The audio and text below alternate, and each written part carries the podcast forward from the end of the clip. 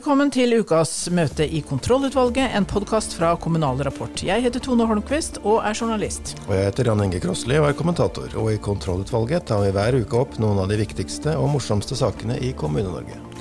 Streiken står øverst på dagsordenen i dag. Vi ser hvordan det arter seg i Bergen. Vi har med oss kommunens forhandlingssjef, Bjarne Moen Olsvold, og streikeleder i Unio, Bente Myrtveit. Hammerfest har opplevd en voldsom smitteoppblomstring den siste tida. Vi snakker med ordfører Marianne Sivertsen. Fra rådhuset til Stortinget er fast post på kontrollutvalgets dagsorden. I dag må Marte Mjøs Persen, Ap-ordfører i Bergen, svare for seg.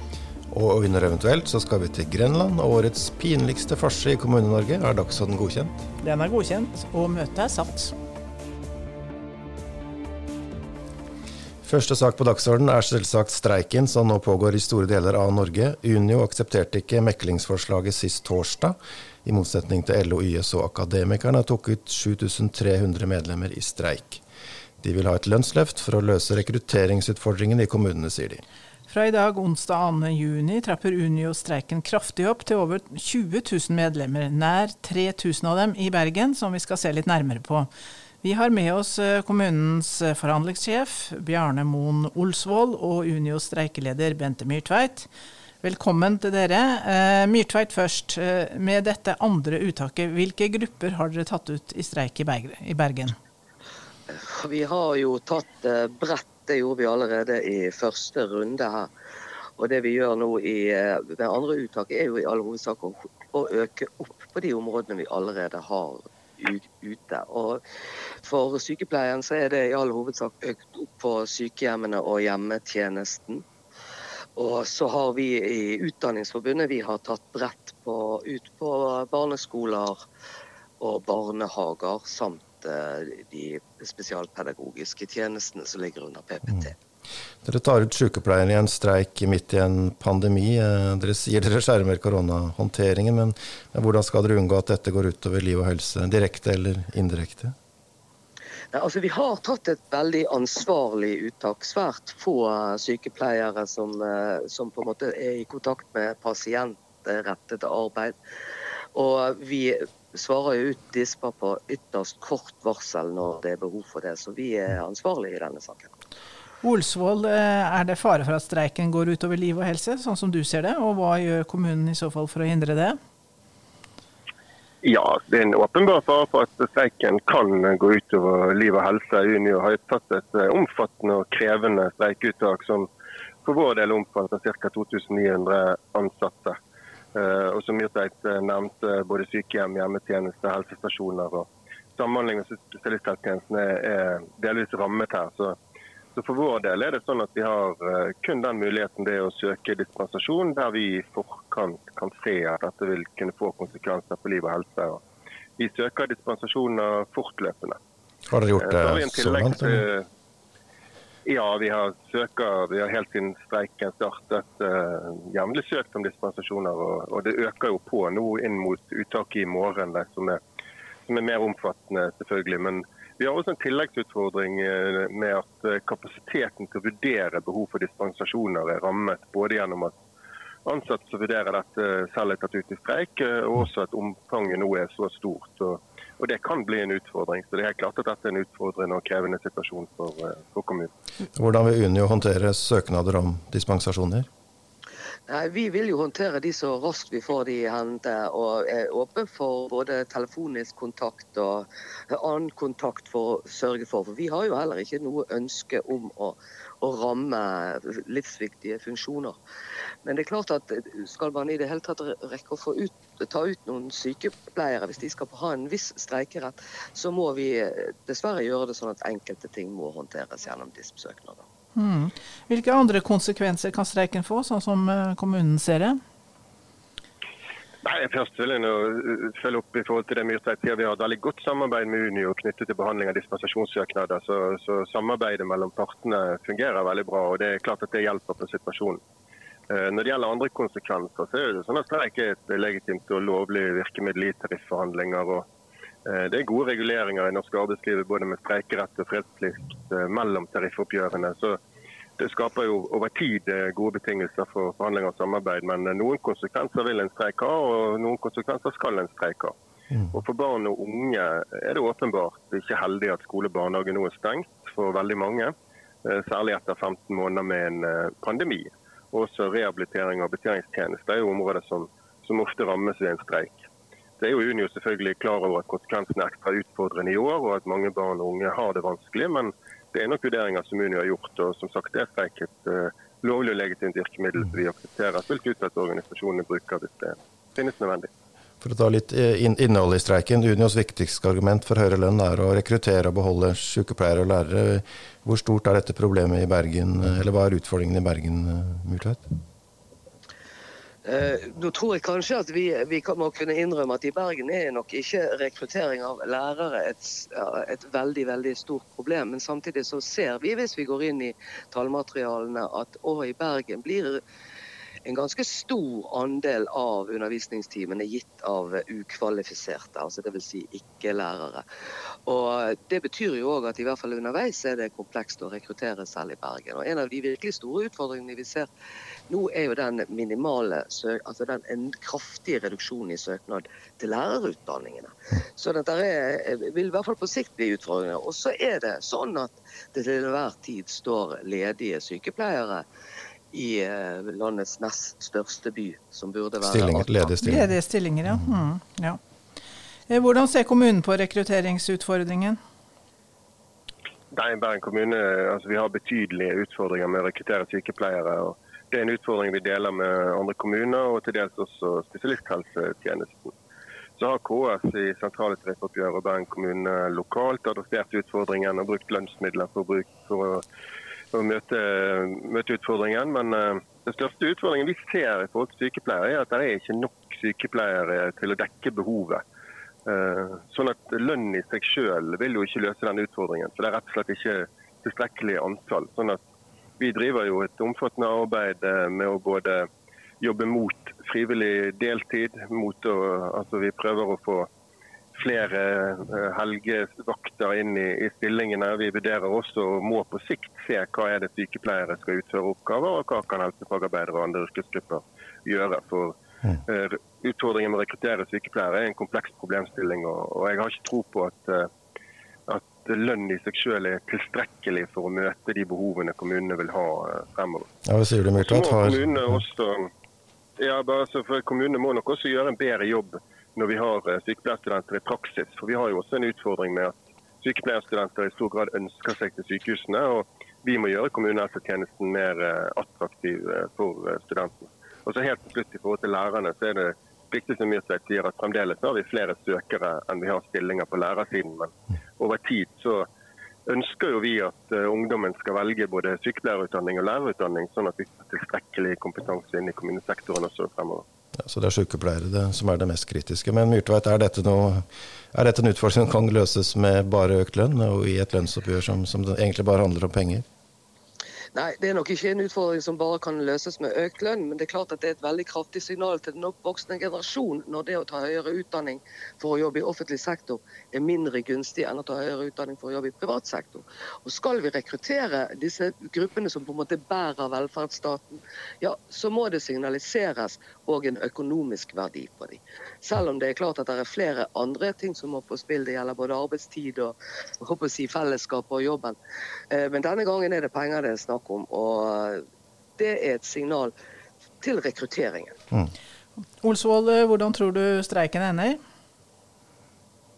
Nei, det er vanskelig å spekulere. Men det er jo, det er jo selvfølgelig det er to muligheter her. Enten så må partene bli enige om å snakke sammen og, og, finne en løsning. og Hvis ikke så må jo eventuelt regjeringen gripe inn over tid hvis det blir fare for liv og helse. Og mm. det vanligste og, og, mest hensiktsmessige er jo at partene klarer å løse konflikten sjøl. Men vi ser på uttaket til Unio fra i morgen av og den karakteren det har, så tror ikke vi skal utelukke at regjeringen på et eller annet tidspunkt må, må, gripe inn. Men vi håper selvfølgelig at partene kommer frem til en løsning som man er enige om, og som skaper eh, ro og bra muligheter for eh, god drift videre fremover i kommunene også. Mm.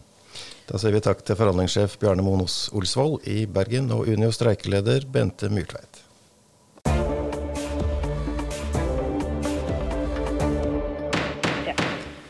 Hammerfest er inne i sitt verste koronautbrudd noensinne. Eh, vi har med oss ordfører Marianne Sivertsen Næss. Og jeg lurer på, Næss, kan du gi oss en liten situasjonsrapport fra Hammerfest nå? Ja, i dag, tirsdag 1.6, så er det altså 335 som er smitta totalt under det lokale utbruddet. Nå er det heldigvis flere som er begynt å avisoleres, og 180 av de er avisolert. Så Det betyr at vi i dag har 151 i aktiv sykdom. Mm. Vi har også en stor nedgang i antall nærkontakter. Vi har jo vært oppe i 2700, altså 25% av befolkninga. Hver fjerde innbygger. Som har vært i karantene? Eh, som har vært i karantene, ja. Mm. Og i dag er det da 500. Så det er på vei ned, men det er fortsatt eh, nye smittetilfeller? Det er det, og vi vil nok enda få det noen dager. Vi fikk 25 eh, nye det siste døgnet. Så det er jo forholdsvis høyt, eh, vil jeg jo si. Er alt stengt ned? Restauranter, butikker, alt? Ja, vi innførte dagen etter vi fikk mistanke om at dette kom til å bli et stort utbrudd, så innførte vi eh, gjennom altså kommuneoverlegene sin hasteparagraf da, med nedstenging, og så ble formannskapet fort kobla på. Så den har vart nå siden dag én i utbruddet, da, at alt er nedstengt. Alle arrangementer er stoppa opp, og det er bare det mest nødvendige som er åpent. Dessverre er også skoler og barnehager helt stengt. Det er helt umulig å ha drift av det også på rødt nivå. Det er den situasjonen vi står i. Nettopp. Hvordan har det påvirka driften av samfunnet? Vi ser jo at eh, det ene er jo hvis man skulle hatt skoler og barnehager på rødt nivå, så hadde ikke det gått av rent praktiske grunner også, fordi at det har vært veldig mange ansatte som har sittet i karantene. Det vi ser nå er på helse- og omsorgstjenestene våre som er hardest ramma. For der må vi jo så klart sørge for drift også gjennom et sånt her utbrudd. Og eh, Der er det både ansatte som er smitta, vi har hatt et stort antall i karantene, og ikke minst er jo mange omdisponert. Det er rundt 40 personer nå som sitter og gjør andre oppgaver rundt smittesporing, testing, logistikk, altså oppfølging av alle de som nå er berørt ute i kommunen vår. Men Har dere fått vaksinert alle som er brukere på, på sykehjemmet? De aller fleste, men vi har fortsatt noen i risikogruppe som er ja, eksempelvis oppfølging av hjemmetjenesten vår som ikke er vaksinert. Det er jo der bekymringa ligger, at det skal komme smitte til de som er ja, voksne som ikke er vaksinert og som har underliggende sykdommer. Er det den engelske varianten dere har? Det er den engelske som er påvist, ja. Og Hvordan kom det dette utbruddet i gang? Har dere kartlagt det? Vi har ikke en sikker smittekilde, men det vi finner er at eh, det spores tilbake til en dato, altså 8. mai. og Da er det flere som har vært på et utested, som i dagene etter har begynt å få symptomer. Så Det er liksom det vi klarer å finne ut av, men akkurat kilden har vi ikke. Dere hadde et problem med noen lister. Folk eh, skrev, sirkulerte noen lister på folk som var smitta. Hva har dere gjort med det? Da straks vi fikk vite om at det var lister som var hadde til hensikt egentlig til å henge ut de som var smitta. Da var vi ute og var tydelige på at de må slettes, og det må stoppe umiddelbart. Og også minte på at det her kan være en sak politiet kan følge opp. For det er jo ulovlig å spre helseopplysninger om andre. Nettopp. Politiet har vært ramma sjøl. Det var vel en del politifolk på den, det utestedet du nevnte, kanskje. Har dere merka noe til om polititjenesten er blitt dårligere av det? De, de sier at det ikke er blitt det, men Ja, det er jo som du sier, det var jo ei uke hvor det var flere smitteførende personer ute i samfunnet vårt uten å vite om at de hadde smitte. Og bl.a. på det utestedet, ikke den kvelden 8. mai som jeg refererte til, men det har vært noen fra politiet og spist eh, på det utestedet som har da vært utsatt for smitte. Så de har også fått personer i karantene, akkurat som nesten alle bedrifter og virksomheter i Hammerfest har.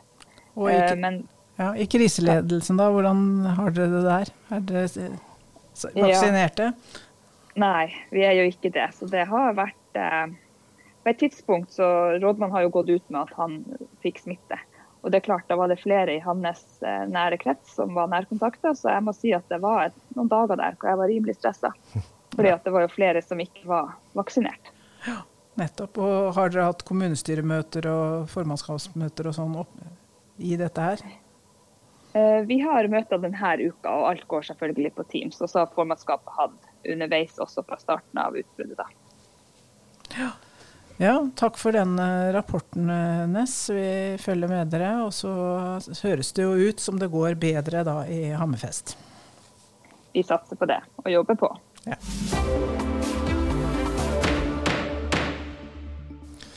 Fra rådhuset til Stortinget er en fast post på dagsorden i kontrollutvalget. Lokalpolitikerne som ligger an til å havne på Stortinget til høsten, får noen kjappe spørsmål. Og denne uka er det ordfører i Bergen, Marte Mjøs Persen, som er Arbeiderpartiets førstekandidat i Hordaland. Eh, Persen, hvorfor vil du forlate lokalpolitikken for å bli nasjonalpolitiker? Nå har jeg bak meg 18 år eh, med lokalpolitisk erfaring, og tenker at eh, det å bruke de erfaringene, den kunnskapen, den kontakten og det nettverket jeg har i byen og regionen vår, det eh, å løfte saker fra Bergen og regionen inn på Stortinget, det er det jeg ønsker å, å, gjøre nå. Så jeg ser på det som en stor mulighet til å styrke stemmene fra Bergen og Vestlandet på Stortinget. Hvorfor bør folk stemme på akkurat deg? Jeg har en lang lokalpolitisk erfaring og kjenner byen som jeg bor i og regionen som jeg bor i veldig godt fra ulike politiske eh, eh erfaringer. Og, at, og, håper at eh, byens befolkning har lyst til at vi skal ha en tydelig stemme fra Bergen og Vestlandet på Stortinget. Og så er det jo masse viktige saker. Vi har nå åtte år bak oss med et høyrestyre der forskjellene har økt. Og vi trenger et sterkt Arbeiderparti på Stortinget og i regjering for å sikre at forskjellene mellom folk ikke fortsetter å øke, men tvert imot at vi får en rettferdig klimaomstilling, at vi kan skape mange flere arbeidsplasser. Nå kommer hele programmet. Hele programmet. Men eh, hva er den viktigste saken fra fylket ditt? Nå representerer du jo Hordaland denne gangen. Det er mange viktige saker fra vårt fylke. Ja. Eh, så å peke på én eh, sak, det har jeg ikke lyst til å gjøre. Eh, som den aller viktigste for mitt fylke. Men jeg har lyst til å peke på den viktigste saken for min egen del. Ja. For meg så er sosial ulikhet, det å gjøre noe med forskjellene mellom folk som stadig øker, det er det viktigste jeg har lyst til å jobbe med på Stortinget. Og hvordan kan da, man gjøre noe med det? Da er jo bl.a. det å eh, sørge for at vi skaper langt flere arbeidsplasser enn det denne regjeringen har gjort. Noe av det aller viktigste vi gjør. Det å, å gi folk arbeid og kunne forsørge seg selv og sin familie, kjempeviktig. Boligpolitikk er en annen viktig problemstilling. Det å sørge for at vi bygger nok boliger som vanlige folk har råd til å kjøpe og bo i, en, en kjempeviktig problem problemstilling som vi er nødt til å reise på den nasjonalpolitiske dagsorden. Og det tredje det handler jo om å sikre like tilbud, tjenester over hele landet vårt, uavhengig av hvor du bor, uansett hva lommebok du har. Og da gjelder det helsetjenester, skolepolitikk, alle de viktige velferdsgodene der det er viktig å sørge for likhet og likebehandling, sånn at mhm. alle kan få samme muligheter i landet vårt. Mm. Vi er i en spesiell situasjon uh, i ferd med å gjenåpne etter en koronakrise. Hvordan skal dere drive valgkamp i, i den situasjonen? Mye av valgkampen har jo så langt foregått eh, digitalt. Men nå ser vi heldigvis i vår by at smittetallene er ganske lave. Eh, og mange er blitt vaksinerte, og utover sommeren så kommer stadig flere til å være vaksinerte. Så jeg håper at mulighetene for å være ute og snakke med folk og treffe med folk og, og diskutere politikk, de, de, vil være ganske store når vi kommer på sensommeren. Mm. Og jeg har jo bare lyst til å si det som politiker, så er jo det klart at valgkamp er jo noe av det gøyeste vi driver med. Og det handler jo om at for vi som er politikere, vi er opptatt av politikk hele året rundt. Mens alle andre i samfunnet vårt de er i hvert fall mye mer mottakelige for å diskutere og snakke om politiske saker når vi er i valgkamp, for da begynner alle å tenke på det. Så jeg tror det er viktig at eh, det er en viktig møteplass mellom politikere og innbyggere. Det er viktig lyttepost. Sånn at jeg, jeg håper og tror at vi kan, eh, kan klare å få til gode møter mellom velgere og politikere i den valgkampen som kommer. Ja, Hvilken sak eh, tente ditt politiske engasjement den gangen du ble politisk engasjert? Det, det er jo også en sånn spørsmål som er liksom vanskelig å peke på. Men jeg har liksom den første politiske eh, holdt på å si, tanken jeg følte tenkte. Da var jeg fem år, eh, og da ble Gro Harlem Brundtland eh, eh, statsminister. Jeg husker at mamma danset på, på, på gulvet. Sant? Det var jo utrolig viktig for likestillingen at Gro ble statsminister. Og så Som ungdom så har jeg vært engasjert i alt mulig, fra kulturpolitikk til internasjonal politikk. Eh, jeg var 14 år når muren falt og syntes at den internasjonale og europapolitikken var spennende.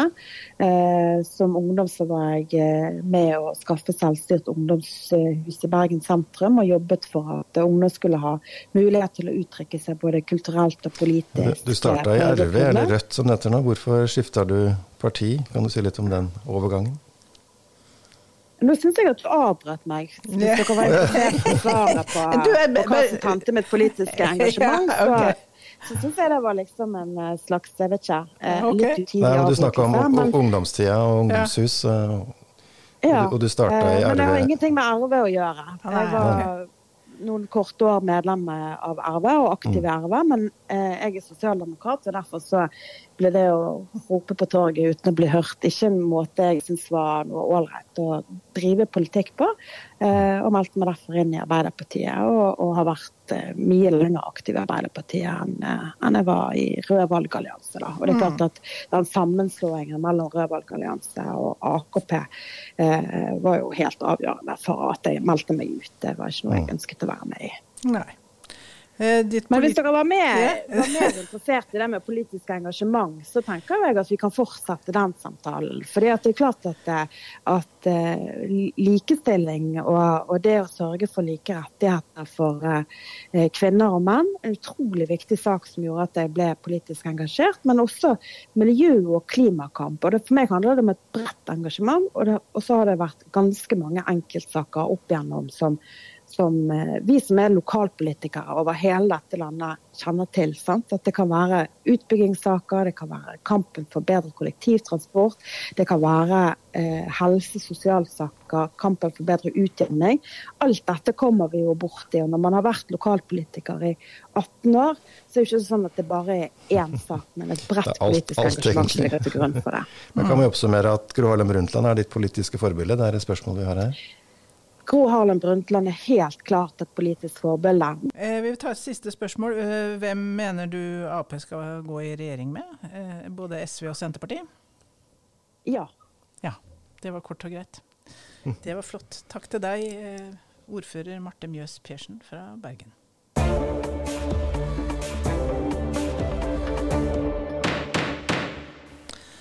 I dag har du funnet en sak til eventuelt, Jannicke? Ja, årets kommunale farse så langt. En pinlig sak. Både for det lokale selvstyret for innbyggernes tillit til politikerne, og for meg, som kommer fra Skien. For det handler om erkerivalene Skien og Porsgrunn, og Grenlands Knoll og Tott. Ja, ordførerne der, altså Robin Koss i Porsgrunn og Hedda Five i Skien, begge fra Arbeiderpartiet, hadde en skikkelig krangel om tiltaksnivået da det var smitteutbrudd i Grenland for noen uker siden. Det var jo litt pinlig, men uh, har ikke du kommet over det ennå? Nei, for nå har det blitt enda pinligere. Dagbladet har fått innsyn i SMS-ene mellom Kåss og Five. Jeg er veldig glad for at vi har en offentlighetslov i Norge, men kanskje ikke akkurat i dag, sier Kåss-avisa. Ja. Eh, de to kjenner hverandre jo fra AUF, og tonen er eh, ganske direkte. Ja, det går ei kule varmt. Five beskylder jo porsgrunnsfolk for å spre smitte til Skien. Vi fikk smitten inn i rusmiljøet via dameselskapet i Porsgrunn, skriver hun, og Kåss slenger tilbake. Mye av vår karantenesetting knytter seg til besøk til og fra Skien. Holder du litt med Skien, eller siden du er skiensgutt? Nei, jeg syns de kommer like dårlig ut av det. Skien så jo ikke hvor alvorlig situasjonen var. De ville ikke sette inn på langt nær så strenge tiltak som trengtes. Vi vil stenge skolene, de vil holde pubene åpne, som, ganske, som Kåss ganske riktig sa. Men på, han på sin side burde i hvert fall ha prøvd å finne en løsning i dialog med de andre kommunene, før han løp til staten for å få hjelp. Men han fikk hjelp fra staten. da. Statsforvalteren innfører, eh, innførte strenge nasjonale tiltak i Grenland. Som var litt pinlig for det kommunale selvstyret, sa du tidligere. Hvordan da? Ja, Hele det lokale selvstyrets troverdighet er bygget på at kommunene er de beste til å finne løsninger som er tilpassa lokale behov. Eh, og det må jo kommunene klare å gjøre sammen også, i en, i en, region. De må klare å bli enige om felles politikk før staten får tenkt på å gripe inn. Og freakshow, som dette i Grenland, og det er Bård Hoksrud FrPs ord, han er fra Grenland også, undergraver jo hele troverdigheten til det lokale selvstyret. Som Hedda Five skrev, hva kan statlig samordning fikse som ikke vi kan fikse sjøl? Nemlig. Det klarte du ikke, da. Det klarte de ikke. Ibsen, Skiens store sønn, kunne jo kanskje ha skrevet noe samfunnsdrama. Dette her hvis han fikk hvis han hadde fått denne replikkvekslinga på Mye SMS. godt stoff, mye Ja, mye godt stoff. eh, Forfattere der. Da tror jeg vi avrunder dagens møte. Møtet hevet. Møtet hevet. Og møteledere i kontrollutvalget har som vanlig Tone Holmquist og Jan Inge Krosli, og vi har også ansvaret for det tekniske. Vignettene har Jonas Brekke Krosli laget.